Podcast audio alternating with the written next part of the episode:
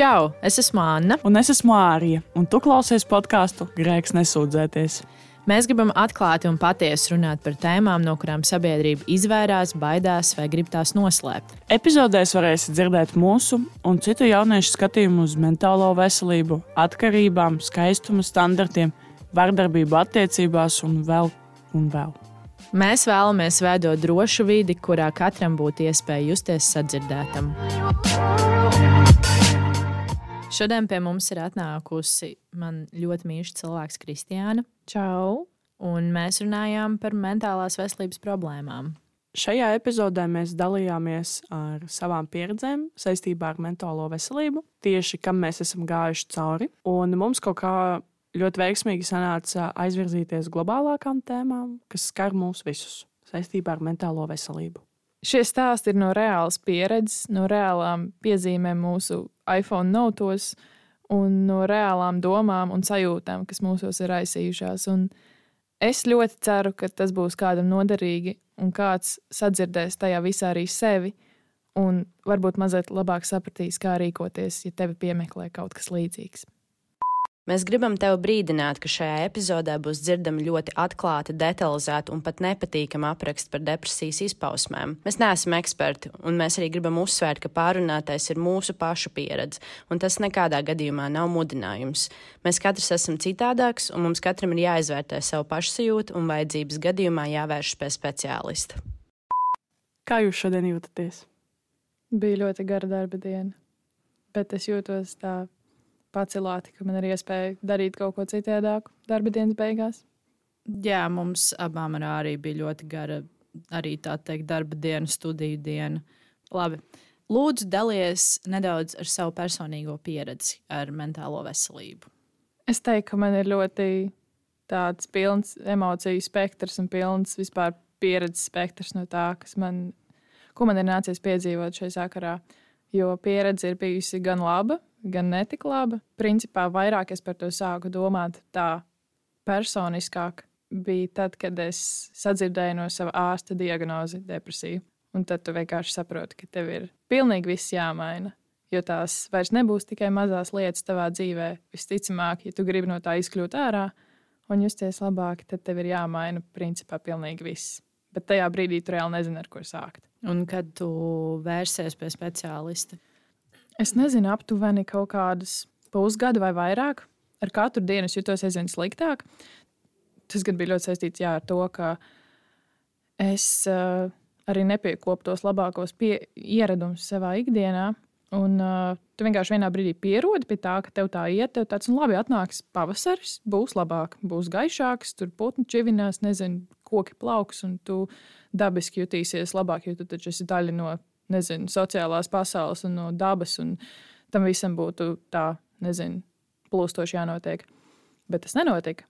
Un uh, tas bija maijs. Es nezinu, kā.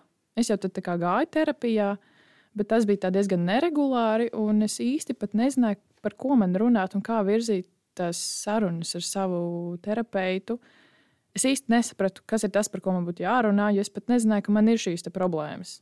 Man es nebiju tās ne sevi identificējis, ne arī man tajā brīdī esošais terapeits to varēja pateikt. Tad vienkārši es nezinu, es parunāju ar savu labāko draugu.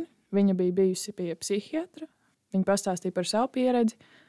Un es domāju, ka es eh, arī varētu aiziet. Nu, par sliktu tas nenāktu. Tas ir valsts apmaksāts pakalpojums, kāpēc lai es neaizietu vienkārši parunāt. Tad, uh, tad bija tas šokējošais tāds, nezinu, breakthrough, kad tu saproti, kas reāli patiesībā ir noticis ar tevi visā tajā laikā ko tu esi piedzīvojis. Tas nebija tā, ka kaut kāds astoņus mēnešus jūtos aizvien sliktāk ar katru dienu, bet es arī iepriekš jutos slikti. Bet vienkārši tad vienā brīdī tas uh, kritums uz leju kļuva aizvien tāds spilgtāks. Varbūt tu varētu aprakstīt, ko tu jūti, kādas bija tās sajūtas tieši.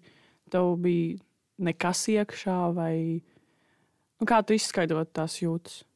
Tad, ja ir nekas iekšā, tad tā sajūta ir pieņemama, es teiktu ar laiku tas kļūst par tādu normu, ka tu jūties tā kā, nu, tā kā tu dzīvot vakumā. Tā kā tev apkārt nekas pilnīgi nenotiek, tu arī neko neredzi, neko nedzirdi. Tu tā kā eksistē, dari kaut kādas lietas, pie kurām tu esi pieradis. Bet uh, lielākoties bija tādas dienas, ka tās emocijas bija vienkārši nekontrolējami negatīvas. Domas bija vienkārši nu, nezinu, nekā pozitīva. Tu centies saskatīt kaut ko labu, bet ar laiku tas pārvēršas par tādu toksisku pozitīvismu, es teiktu, jo tu centies sev piespiest justies labāk. Tev liekas, ka tu ar vārdiem varēsi sev ieskaidrot, ka viss ir kārtībā. Un ka tu jūties labi, jo tev taču ir jumts virs galvas, tev ir, es nezinu, ko paēst, tev ir vecāki, tev ir draugi, tev ir, nezinu, mašīna, tev ir darbs, tev ir nauda, tu esi ķipa patstāvīgs cilvēks. It kā jau viss šķietami liekas labi, un tev liekas, tu taču esi tik daudz sasniedzis priekš saviem 23 gadiem, piemēram. Kopumā, jā, vienkārši bija tāda smeldzīga sajūta iekšēji. Visu laiku es modos katru rītu ar tādu sāpošu sirdi. Tā to varētu aprakstīt. Vienkārši sāpes pakrūtē. Nu jā, vienkārši domas vai nu nav vispār, jo ir tā vakuma sajūta galvā, vai arī domas ir ļoti, ļoti negatīvas tu ik pa laikam iedomājies, vai kādreiz būs labāk, vai kādreiz kaut kas mainīsies. Tas, ko tu maksimums vari izdarīt tajā dienā, kad tev tāds domas ir, ir varbūt pāriest pietiekami daudz ēdienreizes, lai tu nestaigātu kalns un bāls, tāpēc, ka tev pietrūks enerģijas. Pastāst par tām negatīvajām domām vairāk. Um, tās negatīvās domas, nu, pat nezinu, nav tā tādas konkrētas domas, jo uh, vai nu domas ir pilnīgi neapstādināmas tavā galvā, tā ka tu vispār nu, tu nevari pieķert kaut ko, ne kaut ko loģisku, ne kaut ko racionālu sevī notiekošu. Tev ir vienkārši sajūta, un tu domā par to sajūtu. Tu pieņemsim, jā, tu piecēlies ar sāpošu sirdi, un tu vienkārši jūti visu dienu, ka tev viņi ir, un viss. Ar laiku tās domas sāka pārvērsties par pašnāvības domām. To es galīgi nenoliedzu, ka tādas domas man ir bijušas. Un, uh, pirms es vērsos uh, pēc palīdzības pie psihiatra, um, es pat laikam īsti neapzinājos, ka tā nav norma, ka tu ko, ko tādu domā. Es saprotu, ka kaut kādos grūtākos brīžos mums katram ir tāds brīdis, ka mēs, nu, varbūt pavirzam to domu gājienu uz kaut ko tādu, pieņemsim, kā tur būtu, ja es nebūtu, vai visiem nebūtu labāk, kaut kas tam līdzīgs. Ar laiku jau vienkārši tas sāk pārvērsties par tādu, nezinu, ikdienu tā, tās domas reāli nevar aprakstīt. Tās sajūtas negatīvās nevar sevi vispār aprakstīt. Jo tā viena lieta, kas ļoti labi raksturo vismaz manu depresiju, ir tas, ka es daudz ko neatceros. Paiet, pieņemsim, divi mēneši, un es neatceros, kā es jutos pirms diviem mēnešiem. Tāpēc tagad ir ārkārtīgi grūti rakņāties savā atmiņā un censties atcerēties, kā es jūtos, jo es pirmkārt negribu vairs justies tā, kā es tad jutos. es arī iepriekš mazliet noliedz tās savas emocijas un sajūtas, jo nu, tu negribi to just, tev nepatīk tā justies. Daudz ko arī tu neatceries. Tas ir pilnīgi normāli, ka tu neatceries. Nu, jā, ir grūti ar to dalīties, grūti savam ārstam pastāstīt, kas ar tevi ir noticis pirms mēneša, kad jūs tikāties, lai kā, viņš tev varētu kā, ieteikt labākos medikamentus un tam līdzīgi, jo vienkārši tu, tu neatceries neko. Tu vienkārši zini, ka tev ir slikti, un tad tev pajautā kaut ko konkrētāku. Pilnīgi tam ārstam, vai vienalga, vai tas ir psihiatrs, vai tas ir psihoterapeits vai psihologs, viņam ir pilnīgi jāvirza tevi caur ērkšķiem uz to mazo atbildi, to mazo vārdu, ko tu pateiksi. Jo tu nevari nonākt pie tās atbildes pats. Tev vienkārši galva nestrādā. Tas ir arī viena lieta, ko es atceros, ka es ļoti, ļoti izjūtu, ka man tās kognitīvās spējas, gan komunikācijā ar cilvēku, gan arī vispār ikdienā, it īpaši darbā, ļoti, ļoti samazinās. Vienā brīdī man liekas, ka man vispār nav nekādas kapacitātes uztvert informāciju, sadzirdēt informāciju, atcerēties vispār nebija opcija. Man būtībā telefonā vēl ir saglabājušies pieraksti, kurus es rakstīju, kā es jutos, lai kaut kā izrēģētu, vismaz kaut cik veselīgā veidā laukā to. Tā kā es principā varētu arī to atrast, varbūt izlasīt kaut kādas mazas daļas no tā. Ja tu vēlēsies, tad uh, noteikti. Varbūt uh, arī tu vari pastāstīt, kā tev iet ar mentālo veselību savā ikdienā? Tagad, kad uh, iesākās tas ziemas laiks, viss paliek ar vien grūtāk atkal. Vasarā es bieži vien, kad ir labāks laiciņš, es nedomāju par savu emocionālo stāvokli. Es vienkārši jūtos labi, jo es pieceļos un skatos, wow, saulītē, es iešu peldēties, iešu sauļoties. Bet tagad nu, tās, neteiktu, domas, bet tās sajūtas ir nedaudz savādākas, jo palika paliks un būs drūmāks un tumšāks. Un tagad ir ļoti nezinu, grūti pat uh, izteikt to, kā es jūtos. Jo vienkārši, nu, es pat nezinu, kā es jūtos. Vienkārši, nu, ir kā ir. Es atceros, ka tu pagājušajā gadā gāji pie skolas psihologa. Kāpēc tu sāki iet? Kas tev pamudināja iet? Tad es sāku iet, tāpēc, ka man bija, es izjūtu ļoti lielu stresu katru dienu. Tas nebija kā, ne tikai iekšēji tas stress, es viņu parasti jūtu vēdā vai krūtīs, bet uh, bija tā, ka man pat trīcēja rokas, es, uh, man kājas trīcēja, es nevarēju nostāvēt. Man bija vienkārši emocionāli un fiziski grūti iziet auditorijas priekšā kaut ko pastāstīt. Tas bija tas, kas man piespieda ka arī to jāiet. Man nepatīk, kā es jūtos tagad, kad es, es nevaru. Man nesanāk vienkārši. Tur ir labi kursa biedri. Es zinu, kam es stāstu, bet es vienkārši nevarēju pārvarēt to stresu. To trauksmi. Jā, un bija drausmīgi. Tad es sāku iet pie psihologa, un viņa man patiešām ļoti palīdzēja. Viņa parādīja dažādus elpošanas vingrinājumus, kad uh, pirms lekcijas vai pirms semināriem, kad vajadzēja kaut ko atbildēt, es vienmēr vi, uh, pildīju tos vingrinājumus, un man pieši, patiešām nomierināja. Jā, bet vēlāk es gāju pavasarī. Tad tas emocionālais stāvoklis arī bija labāks, kad es gāju pie psihologa. Nu, arī laikapstākļi ietekmēja. Un... Bet tagad, diemžēl, tas viss apstājās, jo man nav laika. Mēs noteikti pie tā vēl atgriezīsimies arī. Jā. Bet, ja tu esi atradusi, tu vari padalīties droši tagad. Es kaut kādus fragmentus izlasīšu. Tie ir gan ieraksti gan no 2022. gada, gan arī 2023. Tas būs ļoti saraustīts, jo visu gan jau es nelasīšu. Kaut kādas lietas, ko es esmu pierakstījusi, es neko no tā neatceros. Es neatceros, ka es pat tā būtu jutusies, neatceros, ka es to būtu uzrakstījis. Bet, nu, ja es to rakstīju, tā, tad tas bija pietiekami sāpīgi, ka es nezināju, kā to izrēģēt. Un visticamāk, es to rakstīju tajā brīdī, kad man bija pavisam smagi, pirms gulētiešanas, piemēram, un kad es visticamāk raudāju. Tas sajūta sākās ar to, ka es sev teicu, ka man ir sajūta, ka es visu laiku sevi dodu citiem, un ka man pašai nav ne kripatiņas, ko atstāt sev. Tā pašā laikā es jūtu egoismu un visa piesavināšanos sev, nedodot citiem un nedaloties. Tā tad es vienkārši, man nav tāda viena skaidra vīzija par to, kur man enerģija aiziet. Tā pašā laikā es to gribu paturēt sev. Nu, reāli es pat nezinu, kur iet mans tas resurss. Man sāk trūkt spēka cīnīties pašai ar sevi jo es atdodu savas domas un enerģiju īslaicīgam fiziskam apmierinājumam, cerot, ka man pietiks ar to. Nepietiek. Tad es rakstīju kaut kādas lietas, ko es pie terapeita gribēju pārunāt. Tas bija 10. februāris šogad. Es rakstīju, ka man ir zudusi ēst griba, es jūtos nogurusi, censties, un man ir nulle motivācija atkal iet cauri tiem emociju karuseļiem un sāpju viļņiem. Tā pašā laikā es nevaru apspiest savas sajūtas un emocijas, jo tad man paliks tikai sliktāk. Es esmu emocionāli nogurusi no tā, ka es vienmēr pret katru cilvēku savā dzīvē eju ar vislabāko sirdsapziņu, esmu pieņemoša, saprotoša un vienmēr cenšos būt savā labākā versijā.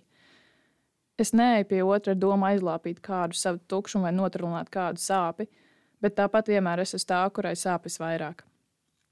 Man nav skaidrs, ko es jūtu. Es katru dienu esmu aizvien vairāk vīlusies, aizvien vairāk manī tas kultivē negatīvu enerģiju un es kļūstu iekšēji agresīva. Es esmu nogurusi no, sava, no savas dzīves un tā emocionālā smaguma, kuram man jāiet cauri. Es nevaru tam tikt pāri.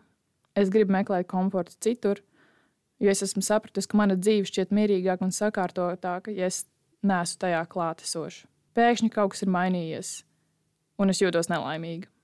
Tas bija tāds milzīgs klišķis, ko es sapratu, kad es rakstīju savas piezīmes, ka es vienkārši jūtos nelaimīga. Es nevaru atrast neko, kas man padarītu laimīgu, kaut nedaudz iepriecināt kaut vai, nezinu, vakarā.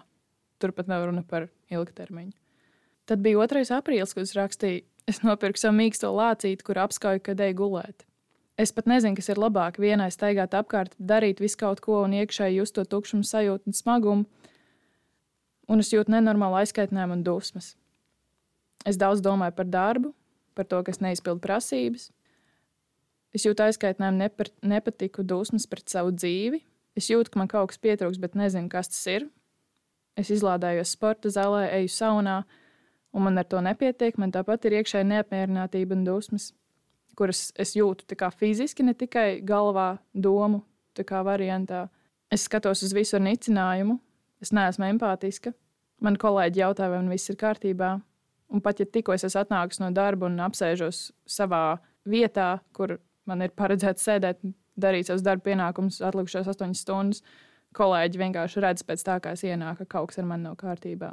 Tad es sāku novērot, un to arī pierakstīju piezīmēs, ka, lai tiktu galā ar to, kas ar mani iekšēji notiek, es izlādējos vai nu sporta zālē, bet tas tikai daļai teikt, nomierina manu nervu sistēmu. Bet gandrīz katras brīvdienas es izvēlos iet, dzīvot normālu naktas dzīvi, kas, protams, ietver sevi arī tādu alkohola lietošanu, lai man ķermenis ir tādā neliela reibuma stāvoklī, jo tad ir vieglāk. Tur tiešām es nevaru noliekt, ka tad tiešām ir vieglāk un kaut vai piekdienas vakars. Ja piekdienas vakars ir vienīgā reize, kad es jūtos labi uz trim stundām, jo es esmu ierēbusi pēc kaut kādiem trim, četriem aliņiem, man ar to pietiek. Lai vismaz izvilktu nākamo nedēļu. Es nedomāju, tur mēnesis priekš, divas nedēļas priekš. Es nedomāju pat, nezinu, trīs dienas priekš. Es priecājos, ja es no piekdienas tiku līdz pirmdienai. Tiku tā kā vismaz izvilku un izdzīvoju, ja man bija vismaz viens labs mirklis tajā posmā. Es gribu darīt trakas, un ekstremālas un bīstamas lietas, un man nav no tām bail. Un nav tā, ka es vienkārši kopumā pa dzīvi būtu ārkārtīgi drosmīgi bijusi un uh, adrenalīna, ķērājis. Vienkārši tas, kas ir ārpus manām komforta robežām, tostarp arī pārmērīga, varbūt alkohola lietošana, smēķēšana un tam līdzīgas lietas, tas vienkārši liek justies mierīgākai. Tas liek nedomāt par to, kas patiesībā notiek. Es gribu noslēgties no cilvēkiem, īpaši no saviem draugiem, jo es esmu viegli aizkaitināma, pat ne par ko. Es nejūtos novērtēta, es jūtos truli, es jūtos apdūlis un staigāju pa pasauli, pasauli ar miglu galvā, un te jau neko nejūtu. Man ir pilnīgi vienalga. Man nav ko dot sev, man nav ko dot citiem. Tās ir tās pāris lietas, ko es šobrīd varēju atrast. Es uh, gatavojoties šai epizodei, arī sameklēju kaut kādus, jo es arī ik pa laikam rakstu kaut ko savā piezīmēs telefonā. Tad, kad ir pavisam grūti, tad man vienkārši vajag to kaut kur izlikt laukā. Un, uh, citreiz es rakstu Kristiānai, citreiz es vienkārši ierakstu savā telefonā, citreiz vienkārši ilgi, ilgas, ilgas dienas. Uh, ilgām dienām es turu to visu galvā, bet uh, es vēlējos padalīties ar to, kas man notika pirms principā diviem gadiem, divi ar pus gadiem, kad es izšķīros ar savu ilgtermiņu, ilgtermiņu puisi, ilgtermiņa attiecībām. Un uh, es rakstīju, man ir tik ļoti grūti, man ir tik netīri, man ir sajūta, ka es varētu noraut savu ādu. Varbūt es justos labāk, varbūt tad man nebūtu jānes šis netīrais, dubļainais, rētainais smagums. Es to aizne, aizmestu pa gaisu un iekāptu bedrē, un tur sēdētu līdz visu būtu pārdomājis un sev piedevusi to, ko es sev esmu nodarījusi. Tad es šo savu ādu paņemtu un nomazgātu, sadziedētu un uzvilktu atpakaļ un justos atkal kā cilvēks. Tas būtu jauki. Bet es varu tikai katru dienu iet neskaitāmas reizes dušā, ļaut, lai ūdens līs pāri šim netīriem smagumam un iztēloties, kā visas manas problēmas aiztek pa caurulēm un ietek Daugavā. Un, principā, tādā tumsā es dzīvoju ļoti ilgi. Un, uh, tad, tad uh, es sāku vērsties pie speciālista. Man palika daudz labāk, bet, uh, protams, uh, tavs hīlošanās process uh, ir ļoti nu, dinamisks. Tad vienā brīdī tas ir augšā, vienā brīdī tas ir lejā.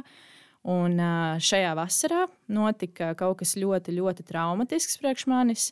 Un arī man bija teikt, iesākušās veidoties attiecības, un šis cilvēks man izdarīja ļoti pretīgi. Ļoti, ļoti, ļoti, ļoti man pāri izdarīja. Un es atkal biju atpakaļ šajā tumsā, atkal viss bija slikti, atkal nu, viss, bija, viss bija vienkārši traki tad es varu nolasīt arī no šīs vasaras, uh, ko es pierakstīju. Man gribas gulēt mājās un nedaudz pazust no visas pasaules. Es ļoti cenšos savu laiku aizpildīt ar patīkamām nodarbēm, bet tad es atgriežos mājās un es esmu tur, kur esmu ar savām domām. Un būt ar domām ir ļoti grūti un drūmi. Un tad es atceros, ka es sev pati uzliku tādu kā uzdevumu katru dienu sameklēt kaut vienu lietu, kas man iepriecina. Un vasarās ļoti daudz braukāju ar riteni, tāpēc tā bija nodarbe, ko es ļoti, ļoti izbaudīju. Un, un tiešām tu klausies austiņās eh, mūziku, nodarbojos arī teikt, ar sportu, bet man vienkārši patika būt tajā kustībā. Tāpēc es ļoti daudz braukāju ar riteni. Un, eh, jā, man šīs eh, pieraksts ir nosaukts, kas man lika pasmaidīt. 18. jūlijā es pierakstīju braucienā ar riteni. Es redzēju, kā ģimene iet pastaigā vakarā. Un, tas man laikam lika pasmaidīt tajā dienā, kad es vienkārši redzēju, kā vakarā ģimene iet pastaigā. Nākamais, nākamais bija pierakstīts uh, vienkārši random autobus ar uzrakstu pasmaidi stāvēja netālu no manas mājas. Tas pats autobus, ko mēs toreiz Praidā redzējām, viņš tur stāvēja pie manas mājas, un es biju pārbi, tā kā es biju šokēta no tā, kāpēc viņš tur ir uzrādījis. 19. jūlijā vienam pretim braucošiem džekam bija smieklīgi mati, kas no vēja bija atliekušies no pieres uz aizmuguri. Nu, tas ir tādas maziņas lietiņas. Tu pieķer sev pie domas, o, man tas lika pasmaidīt, un tas man lika, kā, tu jūti kaut kādu citu emociju, nevis tikai to smagumu, grūtumu, tukšumu, kā Kristiāna arī teica, ka tu vienkārši dzīvo tādā vakumā, tu dzīvo tādā, nu, ka tev viss ir miglains apkārt, tu neredzi normāli, un tad tu pieķer sev pie domas, o, man tas lika pasmaidīt. Es šeit varu piebilst, ka tās lietas, pieņemsim, par to džeku, kuram tie mati bija atliekušies. Dažam labam, gan jau ejot kaut kādam jauniešu bariņam, tas liktos reāli smieklīgi. Nu, viņi vienkārši smietos vai pat paņirgātos par to cilvēku.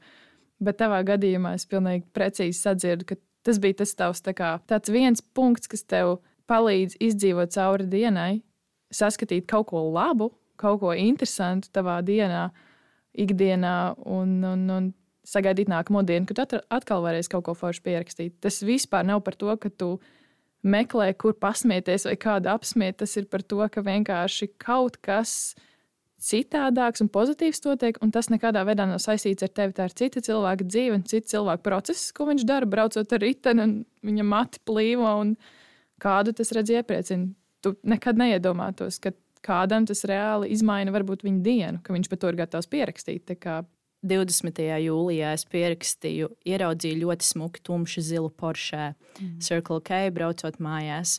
Un tā kā mēs esam milzīgas mašīnu fanas, tad uh, jūs laikam saprotat, uh, ka nu, uzreiz man tāds wow, man ļoti patīk tā mašīna. Un uh, tad 22. jūlijā es pierakstīju, kā mana māma rādīja bildes no ceļojuma un cik laimīgi viņa tajās izskatījās. Tas man, nu, es neesmu šo notu lasījusi vispār pēc tam. Es tikai šodien atvēru un paskatījos. Un, un, uh, varbūt tas arī būtu viens, viena no lietām, ko es ieteiktu cilvēkiem, kuri dzīvo pilnīgā tumsas tunelī, un tā gaismiņa galā ir pavisam tikai kāda maza zvaigznīte, ko tu neredzi, tad uh, pieķert kaut kādas Un varbūt tev šodien nav tāda reize bijusi, ka, ir, ka tu esi pasmaidījis vai iedomājies par kaut ko, kas tev licis pasmaidīt.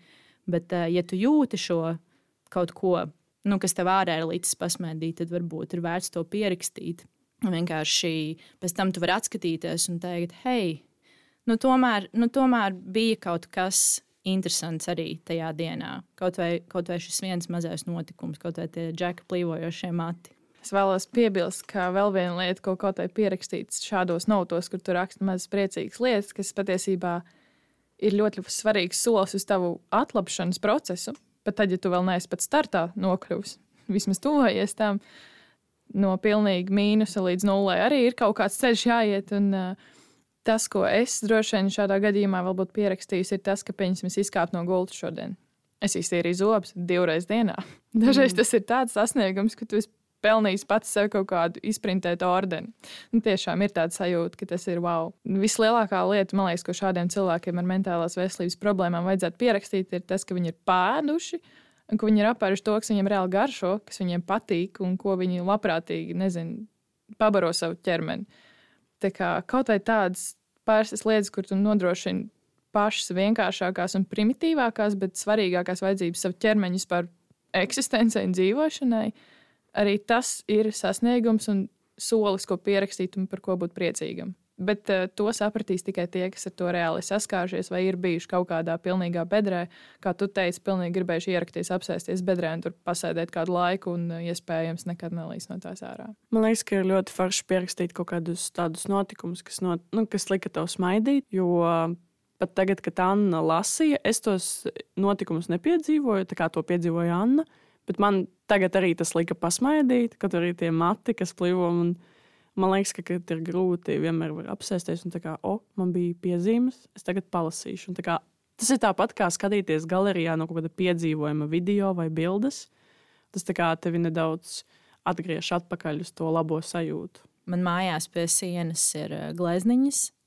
Eh, man ļoti patīk gleznot jūru, un tad šovasar es eh, apņēmos uzgleznot man mīļāko vasaras notikumu. Ar tādu domu, ka pienāks ziema un viss būs slikti, un viss būs drūmi, un, un saule būs uh, divas minūtes tikai redzama pa dienu. tad es paskatīšos to glezniņu un atcerēšos, cik forši bija tajā brīdī. Un tā arī ir. Citreiz sēžu pie galda, mācos, paskatos to glezniņu, man tāds saka, Dievs, cik tas bija forši. Tad tā bija Jāņu nakts. Tas bija skaistākais saulrietis, kādu es jebkad dzīvē biju redzējusi. Kristiāna arī tajā brīdī bija turpat. Viņa var apliecināt, ka tā, tas bija vienkārši nu, debesis, vienkārši bija iedegušās. Tur bija mākonīši pie debesīm, un tā kā saule rieta, tie, tā gaisma atspīd par tiem mākonīšiem. Un vienkārši, ak, Dievs, tas bija ārkārtīgi skaisti. Man šeit ir jāpiebilst, ka es šo mirkli piedzīvoju nevis krastā stāvot, Tāpēc man arī nav nevienas bildes, bet es biju jūrā. Es peldējos, tā bija gandrīz kā ielā peld, bet ne līdz galam. Un eh, šis saulrietis, principā, savā ziņā man ir ļoti zīmīgs ar to, ka es tajā vakarā satiku cilvēku, kas tik šausmīgi ir pozitīvā ziņā ietekmējis manu mentālo veselību un manu depresijas izpausmes un visas tās epizodes, ka tas man ir ļoti zīmīgs un, un svarīgs saulrietis. Varbūt arī tev ir kāds brīdis, kuru, kurš tev ir kā core memory iespiedies ļoti atmiņā, kas tev dod tādu siltu sajūtu. Tas vairāk saistīts ar vienu dziesmu, kad es dzirdu to dziesmu, man uzreiz atgriežas uz to laiku. Bija, man liekas, tas bija varbūt mārciņš, kāds aprīlis. Varbūt. Mēs ar kursu biedriem vienkārši kaut kā braucām pa Rīgu. Šo es atceros vienmēr, kad es klausos vienu dziesmu, Who'd Gone Love It tā dziesma man vienmēr atgriežas to momentu, kad es sēžu tajā saspiestajā mašīnā. Man sēž blakus Haralds un Laura. Priekšā sēž Anna un Herberts. Mēs visi kursa biedri, un es sēžu tāda saspiesta. Nebija saules, bet bija mākonīši, bet arī nebija tumšs. Un vēl bija gaišs, un um, spīdēja Rīga, un viss smuki. Un es nesen atbraucu, nu kā nesen, tikai iepazīstināju Rīgu, un tas, tā dziesma man vienmēr asociējas ar to izbraucienu. Tas ir tavs core memory. Tur pilnīgi var dzirdēt, ka tev kaut kāda dziļāka nostūra runā un atcerās kaut ko foršu. Es nezinu, tā dziesma ir burvestīga. Tāpēc, ka es viņu tajā dienā pirmo reizi dzirdēju, es viņu uzreiz pievienoju playlistā Spotify. Un viņa man izraisa kaut kādas uh, siltas emocijas, jo mēs tieši sākām komunicēt visi pieci tā, uh, draugu kompānija. Un, uh, man liekas, ka ja pēc 20 gadiem es klausīšos to dziesmu, būs tāds, ak, Dievs, tas bija burvīgi. Tā dziesma īstenībā ir vēl asociējusi to, kā mēs sēdējām un visi rakstījām kursa darbu. Es, es tagad pieķēru sev pie domas, ka man core memory vairāk ir uh, saistīti kaut kā ar kaut kādām lietām, pieņemsim, kas ir mūzika, kaut kādiem tādiem um, tādiem fiziskiem, jā, fiziskām jā. lietām. Arī varbūt tev ir, varbūt tev ir kādas sajūtas uh, radušās sevī, uh, ka tu jūti, ka tev vajag šo palīdzību no speciālista. Bet um, varbūt tev šķiet, ka tās nav tik nopietnas problēmas, vai varbūt ai, nu, es vienkārši šodien jūtos nogurusi. Bet varbūt šīs sajūtas jau ir ilgāku laiku un, un tā. Nu, kad es biju nedaudz mazāk, man vienmēr bija, man vienkārši bija emocionāli grūti. Nu, tas arī tāpēc, ka es biju pusaudzis, man arī bija vēl hormoni un tas viss. Un, uh, tas vēl dubultojās. Man vienmēr likās, ka. Nu, man vienmēr likās, ka man it kā viss ir labi, bet iekšā es jūtu, ka kaut kas, nu, kaut kas pietrūkst, kaut, kaut, kaut kas nav tā. Jo no vienas puses man bija viss labi, es jutos, nu, man bija draugi, es gāju uz skolu, bet tik un tā iekšā, tā kā atnākot mājās, man tāds, mm, ko tagad? Tā kā tagad ir ļoti grūti. Varbūt tā bija mana problēma, ka es nepierakstīju to, jo tagad ir diezgan grūti atcerēties to moment, tos momentus. Bet, eh, bet es atceros, ka bija tādi brīži, kad man gribējās, lai es justos labāk, bet uh, es nekad nebiju aizdomājusies aiziet pie psihologa. Nu, arī bieži vien uh, vecākā paudze kaut kā pasakā, nu, tev nevajag, tev viss ir kārtībā. Tā kā, tādus viedokļus. Un tad man tāds, nu jā, kāpēc man, jā, kāpēc man vajadzētu būt slikti, ja man viss ir labi? Tā kā varbūt man nedaudz arī iestāstīja galvā, ka nē, tev viss ir labi, tev, tev, tev nav ko pārdzīvot, tev ir, tev ir kur dzīvot. Tu ej uz skolu, tu nodarbojies ar uh, savām nodarbēm, tu dari tas, kas tev patīk. Bet, nu, nezinu, man vienkārši ie, iestāstīja to, ka viss ir labi, bet tik un tā iekšā bija tā dīvainā sajūta, ka kaut kas pietrūkst, kaut ko vajag mainīt tas, ko es esmu dzirdējusi šai sakarā, un ļoti labi saprotu tevi, ir tas, ka man ir atbildēts uz to, ka es, pieņemsim, vecākiem saku, nu, ka es nejūtos labi. Pilnīgi jūtu, ka, lai kā es izrunātos ar kaut kādiem tuvākajiem, vai kā es pavadītu savu brīvo laiku, tā lai nav vienkārši kā dīgdienam jāsēž. Tā atbilde, ko es saņemu, pieņemsim, citreiz ir. Nu, parunājies ar savu labāko draugu, viss būs kārtībā. Vai arī tev taču viss ir, nu, kā, ko tev pārdzīvot? Nu, tad tu īsti nesaproti, vai tavas emocijas ir īsti pieņemtas, vai kāds tās vispār sadzird un apstrādā. Un vai tev pašam viņas tad ir jāpieņem? Jo varbūt tev tiešām kā, tev rada to šaubu elementu, ka tavas emocijas un tavas sajūtas un tavas domas, ka viņas nav pietiekami laikam svarīgas, ja fiziski neviens neredz, ka tev kaut kas ir noticis. Tātad tas, kas notiek tavā galvā, ir mazāk svarīgs, mazāk nozīmīgs un mazāk kaut kas tāds, kam pievērst uzmanību.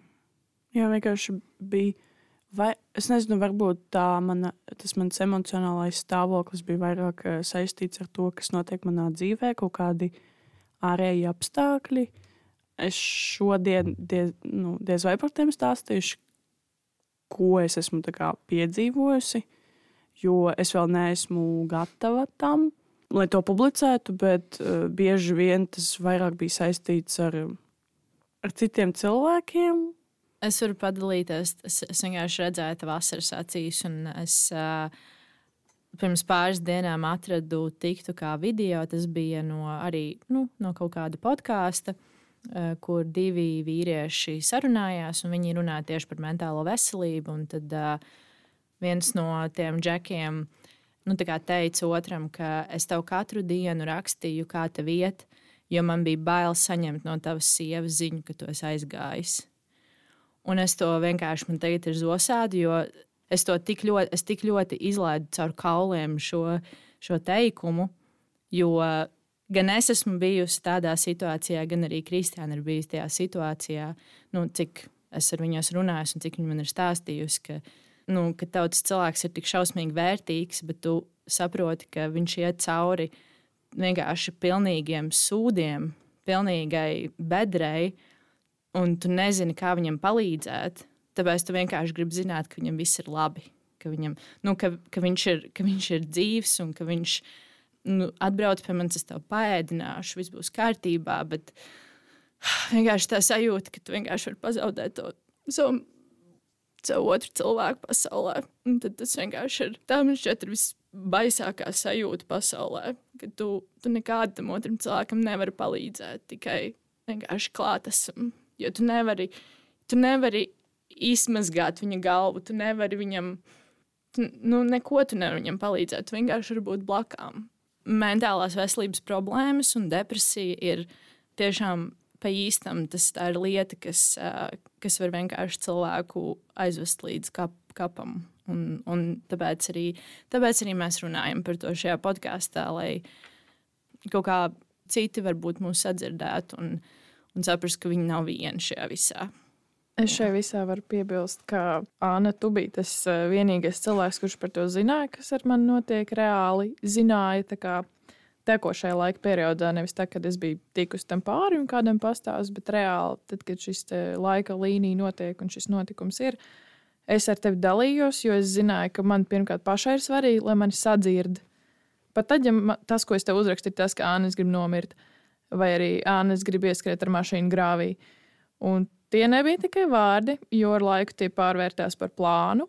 Tāpēc es to stāstu, lai cik pretīgi tas varbūt izklausās, bet man liekas, ka tas ir jādzird iespējams. Vienkārši jāsaprot, cik tas ir pietuvināts realitātei, ka tās tavas domas kļūst par plānu. Tad ar laiku man sāka arī rasties šie plāni un veidi, kā es to varētu izdarīt.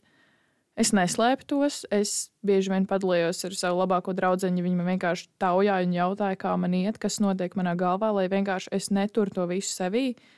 Jo kaut vai tad, ja tu to uzrakstīji WhatsApp ziņā, tas kļūst mazliet tāds reālāks. Tu pats ieraugi no malas savu ziņu, tev tāds nopietni. Tas tiešām notiek manā galvā, bet tas ir pavisam kas reāls. Un, um, tas sliktākais, man liekas, punkts, kurā vispār es varēju nonākt savās domās, kuras es apzinos un arī atceros šobrīd, ir tas, ka tas man sniedz to mierinājumu, kad es kaut ko tādu sevī esmu izdomājis, šīs domas. Un kad nākamajā reizē, kad man ir slikti, es dzirdu, ka man galvā kāds pasaka, atceries, izdomāju plānu, tu zini, kā tu rīkosies. Viss būs kārtībā, jo tu taču zini, kā tu rīkosies. Tāds bija tās sajūtas. Tu tā kā uzreiz ar depresiju esošs cilvēks, uzreiz to galējo variantu sevī redzi. Un Anna bija vienīgais cilvēks, kāpēc es to neizdarīju. Un es negribēju atstāt savu draugu vienu pašu. Un tad pilnīgi nekas cits man nevarēja apstādināt no tā, kā tikai tas, ka man ir draugs, kurš mani gaida, kad es atbraukšu pie viņa pāri siermaizi. Par, eh, par ēšanu arī iepriekš es jau mazliet pieminēju, ka es Kristiānu aicināju ēst. eh, un Tā arī ir vēl viena atsevišķa tēma, ko mēs noteikti kādā no turpmākajām epizodēm apspriedīsim plašāk. Bet uh, tev pazūd apetīte. Arī ko tu iepriekš Kristiāna pieminēji, ka tev nav apetītes. Un tev ir jāpiespiež, tev ir, tev ir jāiedod lāčplēša ordenis par to, ka tu esi paēdis kaut vai vienu reizi. Nu, tev pilnīgi, nu, tev nav, nu, tev, tu it kā zini, ka tev kurkst vēders, bet tev, tu paskaties uz ēdienu, un tev ir slikta duša. Tu nevari ielikt ēdienu mutē. Un, uh, un tā ir vēl viena tāda, tāds sarkanais karodziņš, tāds zvaniņš, kas tev pasaka, hei, tev vajag palīdzību, jo tu nevari paēst. Es tagad nezinu, ko teikt, tāpēc ka man pirmo reizi kaut ko tādu izstāsta, kas, kas ļoti. Šī ir epizode, kurā mēs raudam. Jā. Un vienkārši man nekad nebija izstāstījuši tik ļoti uh, dziļas tēmas. Man, man nekad nav, man ir draugi, bet viņi man nekad nebija tik ļoti atvērušies par, emocionālo, par savu emocionālo stāvokli. Man arī pašai nebija nekad tādas domas. Un tāpēc, laikam, arī tagad ir diezgan sarežģīti kaut ko pateikt, jo es pirmo reizi ar kaut ko tādu saskāros. Es zināju, ka tas notiek. Es zināju, ka jā, par emocionāliem stāvokļiem ir ļoti svarīgi runāt, bet man nekad par to nav stāstījuši. Es atceros, tad, kad es vasarā gāju cauri tai briesmīgajai bedrei un vakumam vēlreiz. Es arī tagad, pirms epizodes gatavojoties, es pārlasīju savas pārdomas. Manā datorā ir Word dokuments, kur ir, kurš nosauc pārdomas. Tad, kad man bija ļoti grūti, tad es tur rakstīju katru dienu.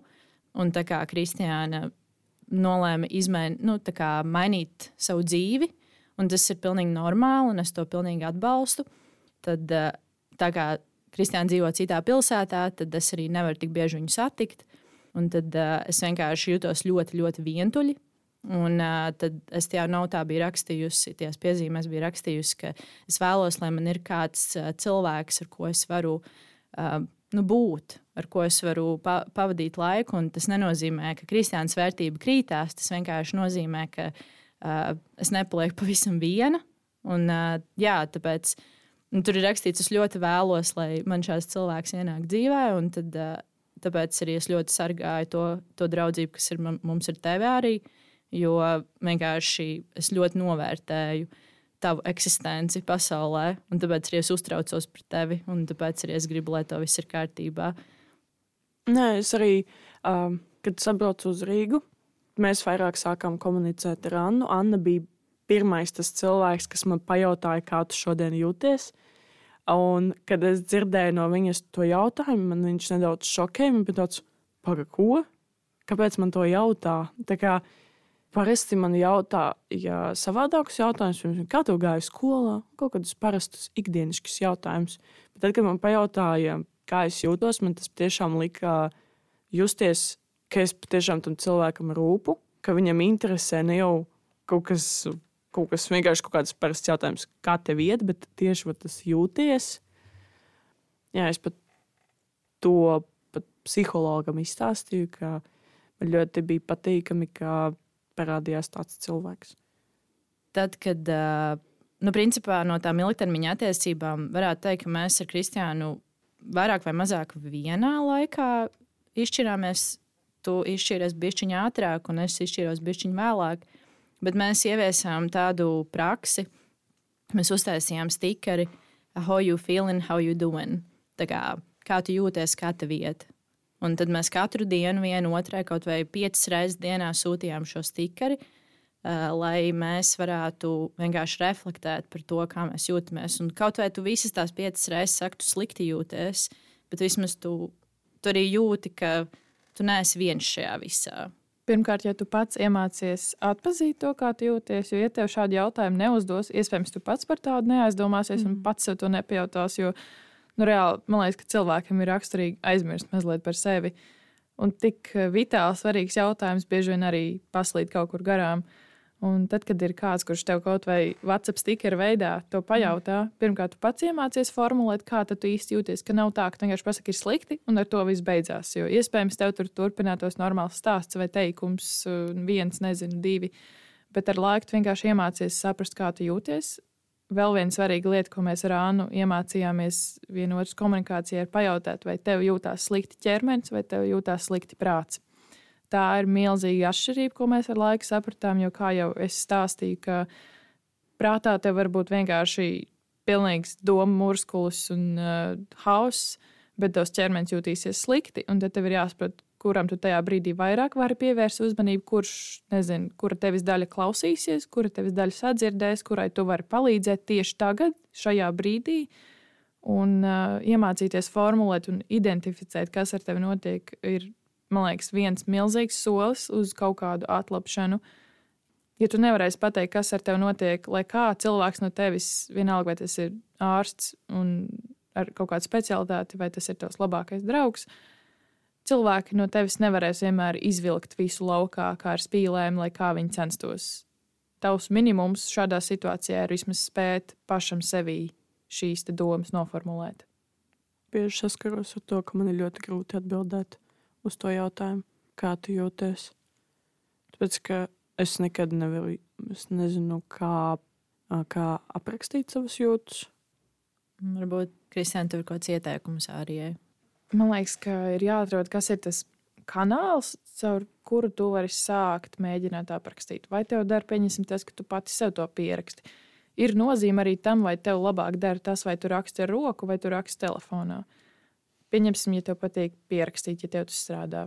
Ja tev dara, ka tu kādam vienkārši izventilējies ziņā, vai tu izventilējies sazvanā, arī tas dara. Nu, pirmkārt, jāsāk ar tiem maziem kaut kādiem kanāliem, tiem nezinu, uzticības kaut kādiem veidoliem, kur tu saproti, kur tavas domas tiks sadzirdētas, saprastas. Un uh, kur tev vislabāk nāks laukā tas domu plūdums. Jo tajā brīdī, man liekas, nav jācenšas racionalizēt tās domas. Ja tev tas viss nāk ārā vienkārši tādās saraustītās frāzēs, sāc ar to.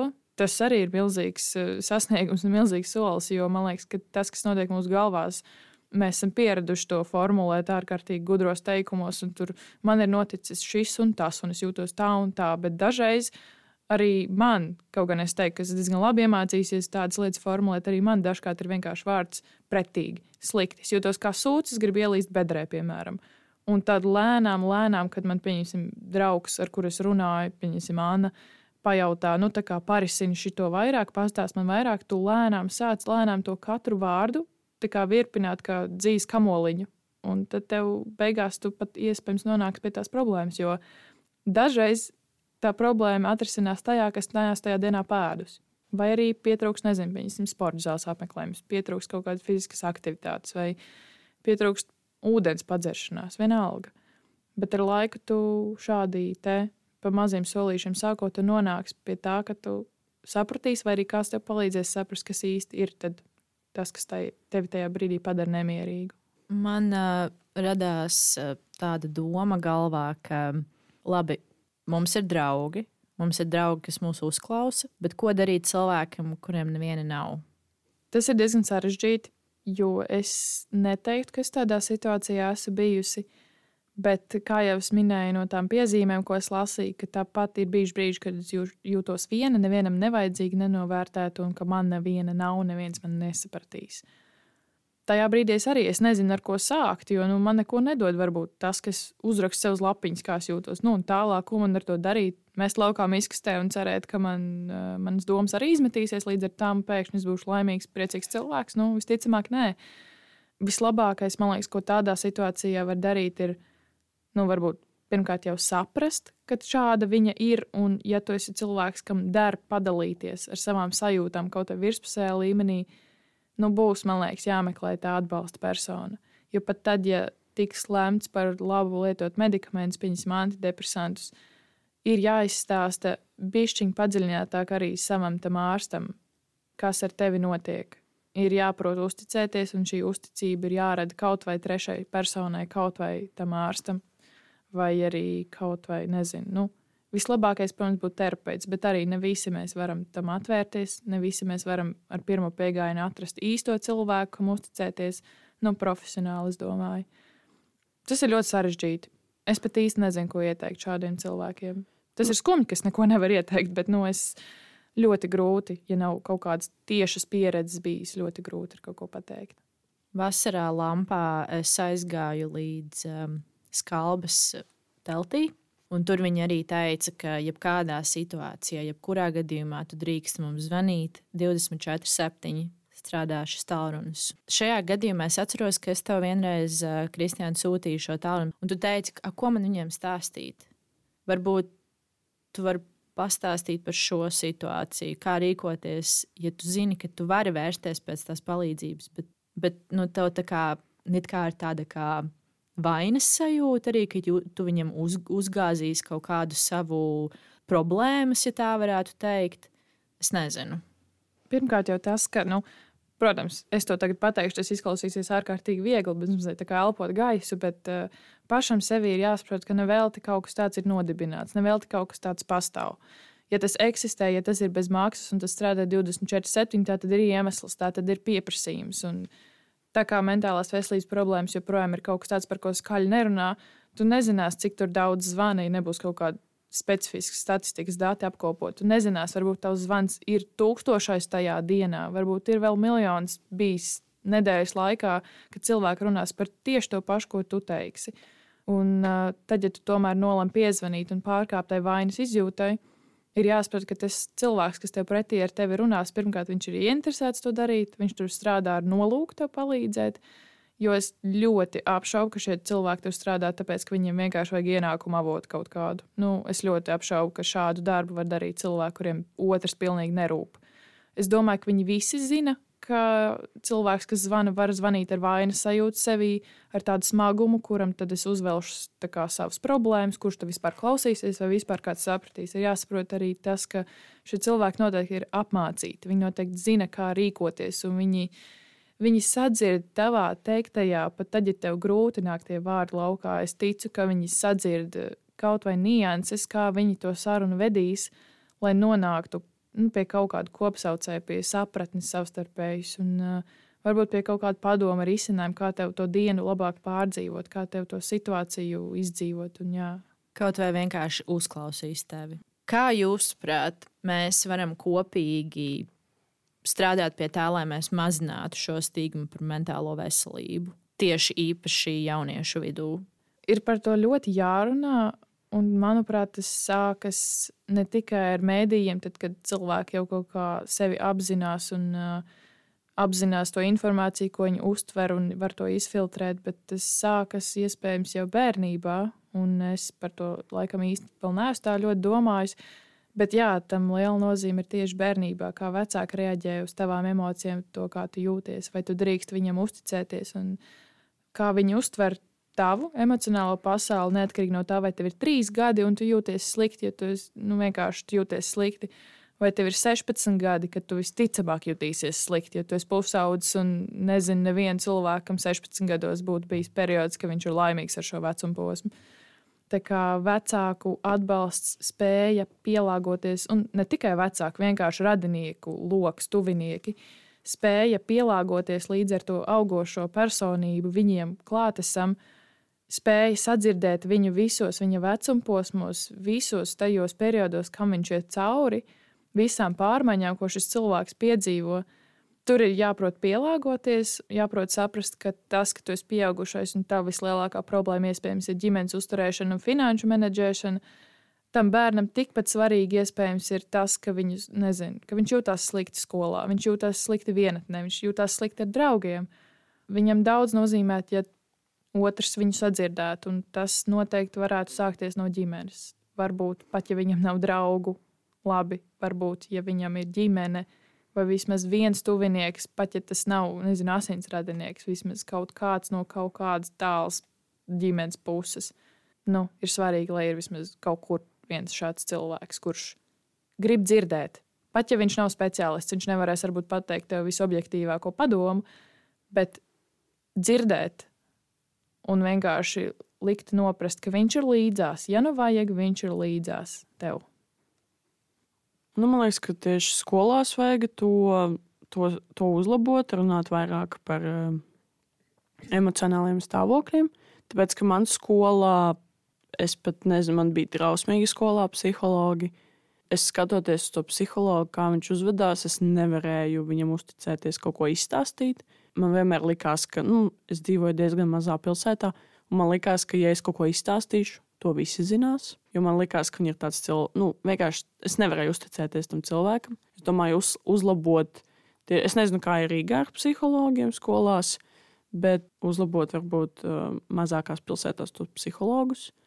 Biežāk varbūt, lai tie paši centri, Skalbe, Marta, uh, brauktu varbūt mazākām skolām, stāstītu, kāda ir tagadējā situācija, kas notiek, kāpēc tas ir svarīgi Un lai tas, ehm, lai tas nav tāds, ehm, tāda apmācība, ka tu vai vari nākt, vai vari, nevari nākt. Nu, pats izvēlēties, bet tā kā obligāta, kā stunda varbūt. Lai to vismaz izstāsta, kas tas ir, ka tas ir svarīgi. Jo man bērnībā nebija tādas iespējas. Man nekad nestāstīja, man īsti pat nekad nejautāja par to, kā es jūtos. Un um, pareizi Kristiāna teica, tas viss sākas no bērnības. Jā, es domāju, jāsāk no tā, ka vienkārši uzlabot tajās iestādēs, kur tu mācies jau no mazotnes šo visu sistēmu. Es nezinu, kā tev bija skolā, Kristiāna. Šobrīd cenšos atcerēties, jo skolas periods vispār kopumā, sākot no 5. klases, ir kaut kas tāds, ko es labprāt aizmirsu savā dzīvē, un līdz šim man tas diezgan labi izdevies. Jo es neteiktu, ka es kaut ko labu tur izjūtu, un um, ka īpaši man patika vienkārši tur atrasties.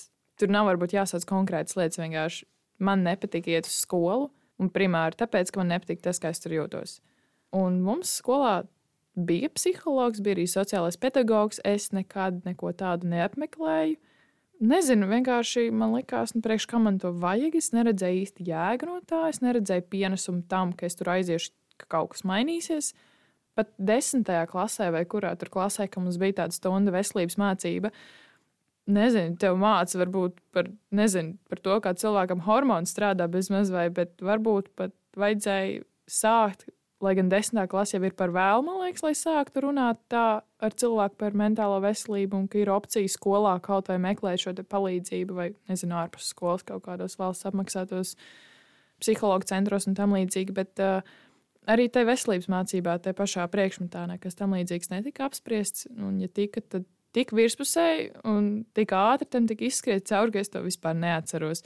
Protams, tur tika pievērsta uzmanība citiem tematiem, kas arī ir būtiski, bet uh, Nu, es nedzirdu, ka kaut kur tādu pašu būtiskumu latiņu pieliktu mentālās veselības pārunāšanai. Un tam varbūt jāsāks jau kaut kādā, nezinu, 6. un 5. klasē. Jo, ja tādā brīdī cilvēkam var likt mācīties fiziku, ķīmiju, kāpēc viņš nespētu uztvert bezmazliet, ka mentālā veselība arī ir svarīga un par to ir jāmācās un jārunā un jāsaprot vismaz kaut, kaut vai kā noformulēt, kā tu jūties. Jo tas arī ir tas vecums, kad, nu, vismaz manā skolas laikā, tas ir tas vecums, kad uh, tātad pamatskola, kad visbiežāk sākas visāda emocionāla vardarbība no jauniešiem.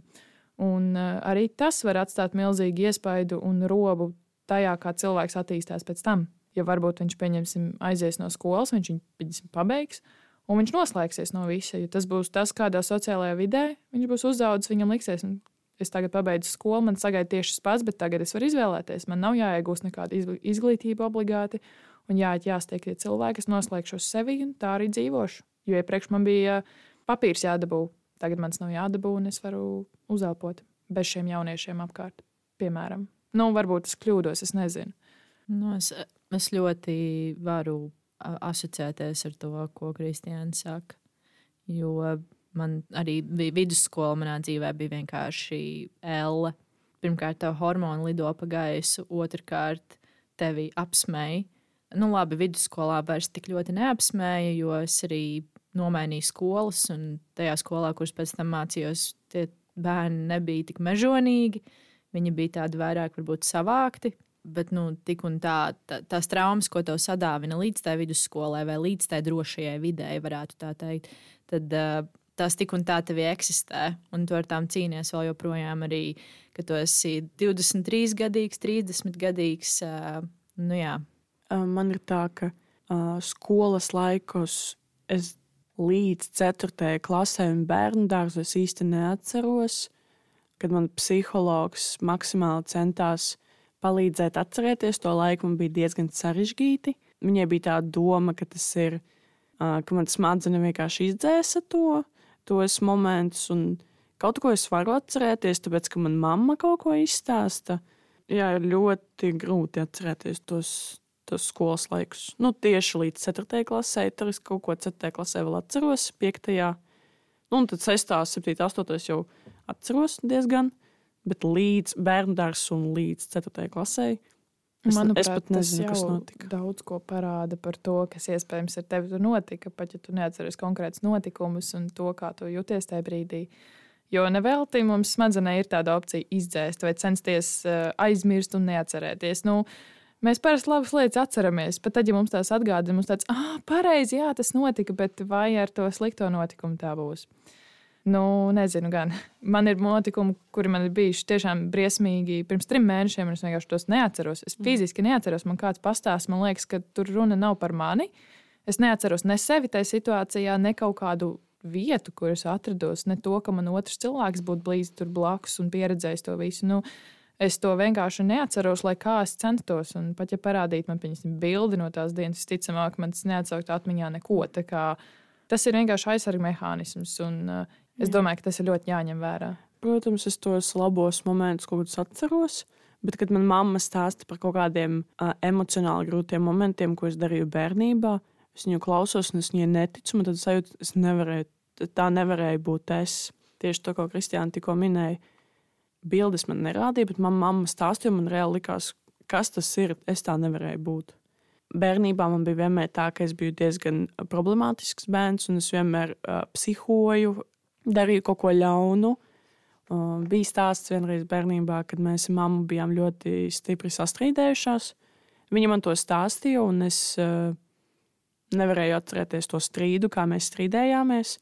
Bet es atceros tieši to momentu, kad mēs, nu, viņa man par to momentu atgādināja, ka mēs apskāvāmies un uh, apsolījām viens otram vairs tā nekad nedarīt. To momentu es atceros, bet uh, kas bija pirms tam? Ne. Tu jūties droši, vai ne? Tajā brīdī gan jau. Es pat nevaru atcerēties, kāds bija mans emocionālais nu, stāvoklis. Protams, jā, jā. Bet es vienkārši, nu, man ar mammu, es atceros, ka mēs ar viņu bieži strīdējāmies. Mēs vienmēr pēc strīdiem apskāvāmies. Tos momentus vienmēr atceros. To, tieši tos apskāvienus un solījumus, ka tas nekad neatkārtosies. Un tajos brīžos es bieži vien jūtos vairāk vainīga tajās situācijās, jo man ir vienmēr no pašas bērnības es biju tā, kas iesāk konfliktus. Vienmēr. Bet, un... varbūt, bet varbūt tev tieši patē, nu, tā kā varbūt ārēji apstākļi varbūt lika tev justies tā, ka tu uzsāki šos konfliktus. Jo es atceros, ka es, es ļoti ātri varu izstāstīt. Es atceros, tad, kad es biju pusaudzis, tad uh, bija viena reize, tās bija vairākas reizes, bet uh, viena spilgta reize man palikusi atmiņā, ka es atnācu mājās. Un, zin, kā, kā pusaudzim, tu vienā dienā tur justies fantastiski, un otrā dienā tu vari vienkārši gribēt nodedzināt visu pilsētu no tā, cik tev pretīgi iekšā ir sajūta. Un tad es ienācu mājās, un tētis teica, oh, čau! Un es tā kā pateicu, nu tā mazliet tā, varbūt nejauki, čau! Un tad es aizgāju uz savu istabu, un tētis kliedz man pakaļ, kas tev atkal ir? Ko, vari, ko es tev esmu nodarījis? Un uh, es atceros, tajā brīdī man bija tāds, kā tu vari nesaprast, ka tu neko neesi nodarījis. Es vienkārši jūtos slikti. Nevis tāpēc, ka tu kaut ko esi izdarījis, bet tāpēc, ka es vienkārši jūtos slikti un es šodien ar nevienu negribu runāt. Un uh, man šķiet, ka tieši tas, uh, nu arī par ko mēs iepriekš runājām, par to, ka vecākiem jau jāsāk ar saviem bērniem to stāstīt jau skolā, mazākajās klasēs jau par to runāt, ka ir ok pusaudzim justies slikti Un vienīgais, ko tie, tajā brīdī tam pusaudzim vajag, ir telpa. To ka, to, ka viņš drīkst tā justies, ka viņa, viņš, viņam nav jāiedod tā vainas sajūta, ka viņš tā jūtas, bet ka viņš drīkst tā justies, jo tas ir normāli. Un tur jau tā lieta, ka tu nevar iemācīties redzēt kaut vai to pašu teiksim, emociju pratību. Ja tajā brīdī, kad tu vienkārši jūties slikti, labprāt pasēdēt ar savām domām viens pats, tajā pašā brīdī tev ir vairāk jākoncentrējas uz to, ka tavs tēvs uz tevi ir dusmīgs un uh, dod tev vainas izjūtu, ka tas, kā tu jūties, tāds, kāds tu pārnāc no skolas, tas nav ok. Un to viņš ir nolasījis pēc vienas tavas intonācijas. Un viņš tev nedod to brīvo telpu, pat apstrādāt to, kā tu pēc tās skolas dienas jūties, ko tu gribētu darīt, lai varbūt uzlabotu savu dienu, lai vismaz viņi noslēdzās uz kaut kādas pozitīvākas nots. Bet tev vienkārši ir jādomā, es aizvainoju tēvu, es nezinu, kāpēc, es nezinu, ko man tagad darīt, es jūtos vainīgi, un turpat netiec klāt savai pusē, tai stāstā. Jo tev ir jādomā, nu, jā, jābūt atbildīgam par sava vecāka emocijām un to, kā viņš ir noreaģējis. Nu, man arī bija tāda strīda ar mammu kad es varēju pārnākt mājās, un es vienkārši gribēju klusumu. Bet mammai bija vienmēr tāds, ka viņa spiedīs līdz galam, uzzinās, kas man ir. Es viņai teicu, mamma, lūdzu, nelien, lūdzu, nevajag. Bet tajā laikā tas netika sadzirdēts, un tāpēc vienmēr veidojās tās saucamās sniega bumbas. Jo manī, manas emocijas netika ņemtas vērā. Es nevēlos neko tagad teikt, es vienkārši vēlos pagulēt gultā un neko nedarīt. Bet tad veidojās tā sniega bumba, sākas kaut kādi nenormālie strīdi, un no tiem strīdiem es jūtos vainīga. Jo es to iesāku, jo es iesāku to teikt, nevajag, nevajag, un tad tas viss aiziet. Un tā patiešām ļoti plata, plaša tēma, par ko runāt. Un to, cik labi vai slikti tu jūties, ne tikai atkarīgs no, kā, no tevis, bet arī no apkārtējiem, kas bieži vien vairāk pasliktina to emocionālo stāvokli. Jo vienmēr Jo man vienmēr bija tā, ka pēc skolas es bieži vien atnācu ļoti, nu, es atnāktu izsmeltu, un tad man piespiež līdz galam visu to. Tajā laikā tu gribi vienkārši abstrahēties no ap, apkārtējās pasaules, bet tev neļauj.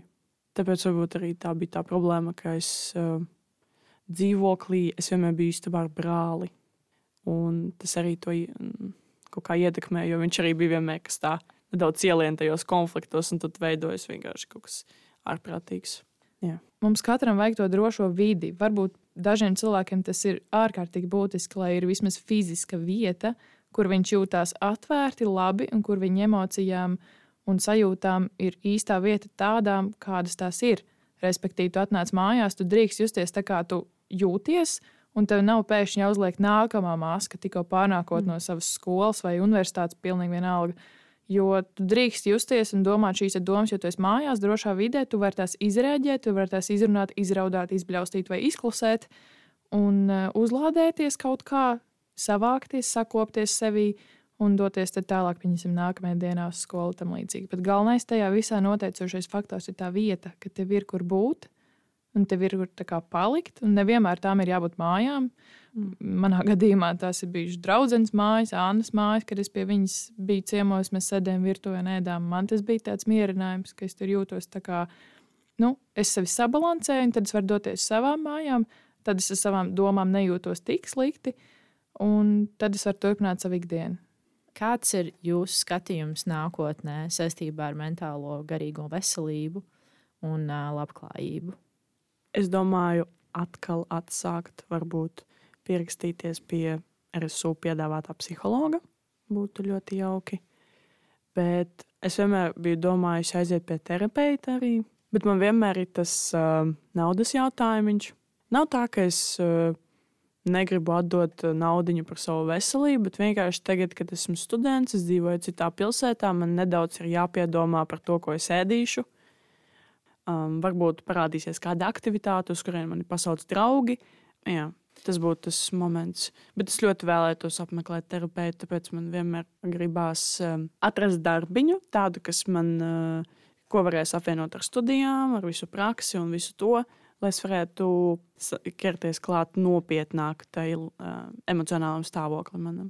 Vispār tā fin finanšu problēma ir milzīga, nu, vienkārši šausmīgi milzīga problēma tieši šajā jautājumā. Arī nu, tas man šķiet vienkārši ārprātīgi, ka mums nav pieeja psihoterapeitam bez nu, kaut vai tās pašas desmit reizes bez maksas. Protams, arī psihiatrs un ģimenes ārsts var izrakstīt tās desmit reizes, bet tajās desmit reizēs varbūt tikai sācis par to visu runāt. Tu sāc atvērties, tu sāc pierast, un, un nu jau tās desmit reizes ir beigušās, un viss, un tagad tu ar to bagāžu staigā līdzi.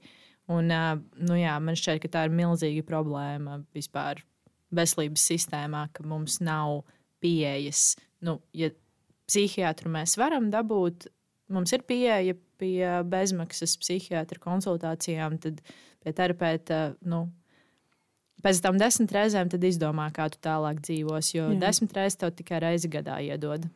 Man droši vien tāds iekšējais mērķis ir tas, ka es nevēlos vairs nonākt tik zemu, kur es biju, kas ietver visu iespējamo, ko es varētu darīt.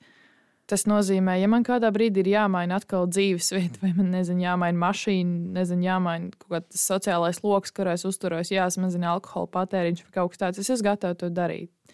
Bet, uh, lai es vispār tam saņemtos, jo patiesībā tās ir milzīgas lietas, ja tās ir tavā ikdienā, tas viss sākas ar to, ka es noteikti iešu pie psihiatra, kā es to līdz šim daru.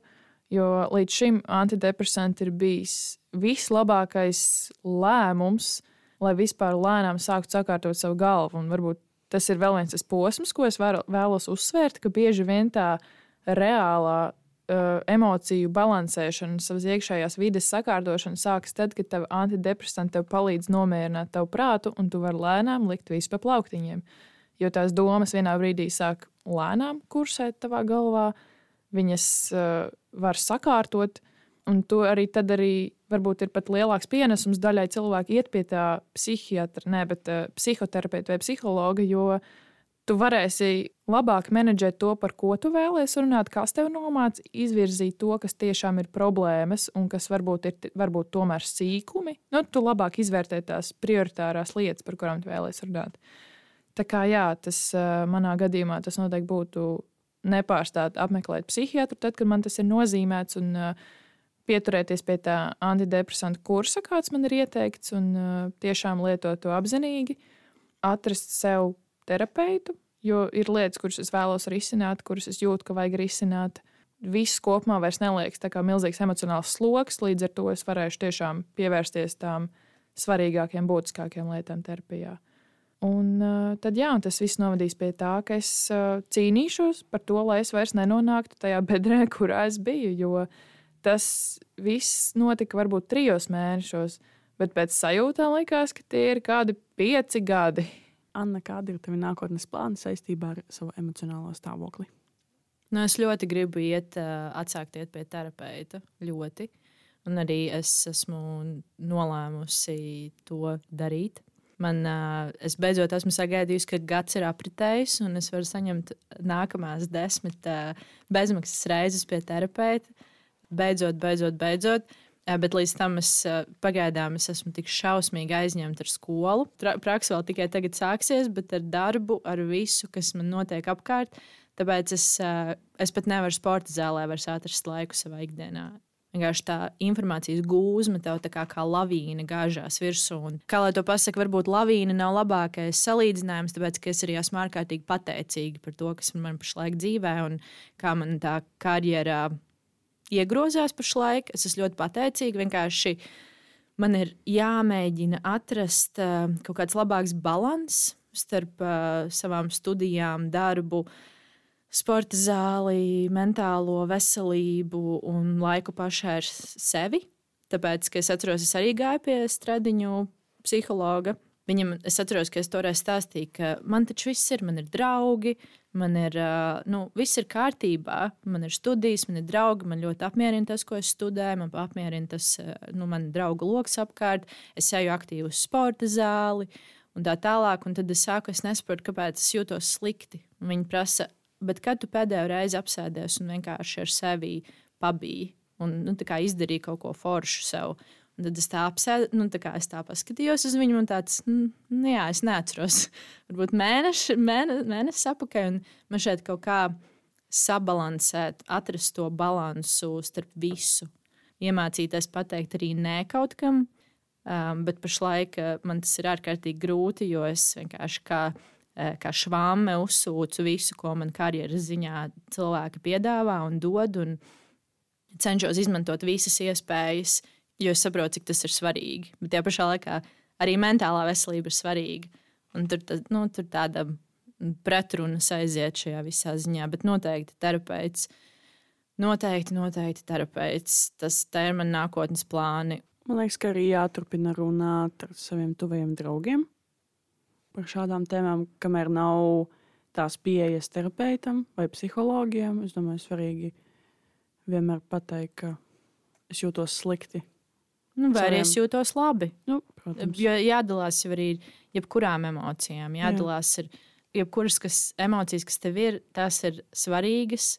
Un tev nevajag runāt tikai par sliktām emocijām, bet tev arī vajag dalīties ar patīkamajām emocijām. Un, un, nu, jā. Tās visas ir vērtīgas. Es arī vēlētos pateikties Kristiānai, ka viņa bija tik ļoti atvērta. Es arī. Bet tu esi malacis, jo ne katrs varēs parunāt par tādām tēmām un pateikt par to. Nu, Zini, kā tad, kad tu atrodies arī, ko tu iepriekš teici par to, ka tu līdz šim nebija vispār pieradusi, ka tev kāds jautā, kā tu jūties. Tad, kad es esmu pieradusi pie tā, ka mēs ļoti atklāti ar Kristiānu runājam par, tām, par to emocionālo stāvokli, tad tev šķiet, ka nu, nu, kā, nu, nu, tam tā ir jābūt. Tas ir normāli. Tā draugiem par, par to draugiem ir jārunā. Un tad tu parunājies ar citiem cilvēkiem, un tu saproti, ka tā nenotiek. Jā.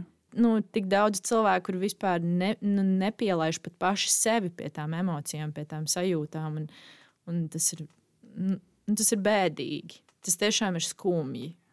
Bet tas ir arī ļoti precīzi.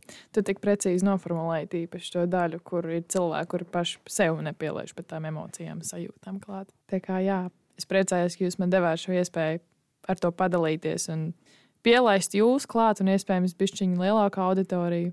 Lai cik briesmīgi tas stāsts dažkārt varbūt nelikās un cik pretīgi nebūtu tas klausīties, bet nu, kādam tas būtu gan jau jāpasaka ar laiku, un lai nav tikai stāsti par cilvēkiem, kuri atņēmuši savu dzīvību vai jūtās slikti, un neviens to nav dzirdējis un saredzējis. Paldies, ka noklausījāties šo epizodi. Mēs ceram, ka bija vērtīgi, kā arī mēs vēlamies pateikties mūsu viesņai Kristiānai, kas tik drosmīgi un atklāti runāja par savu mentālo veselību.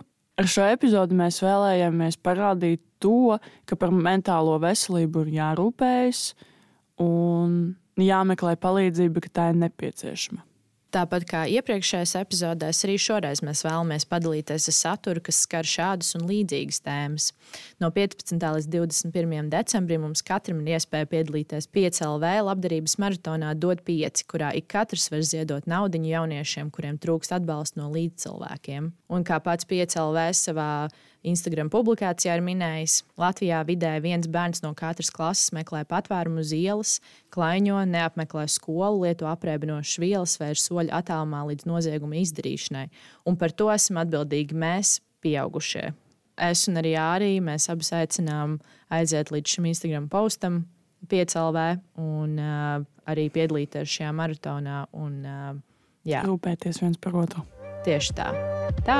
Atā.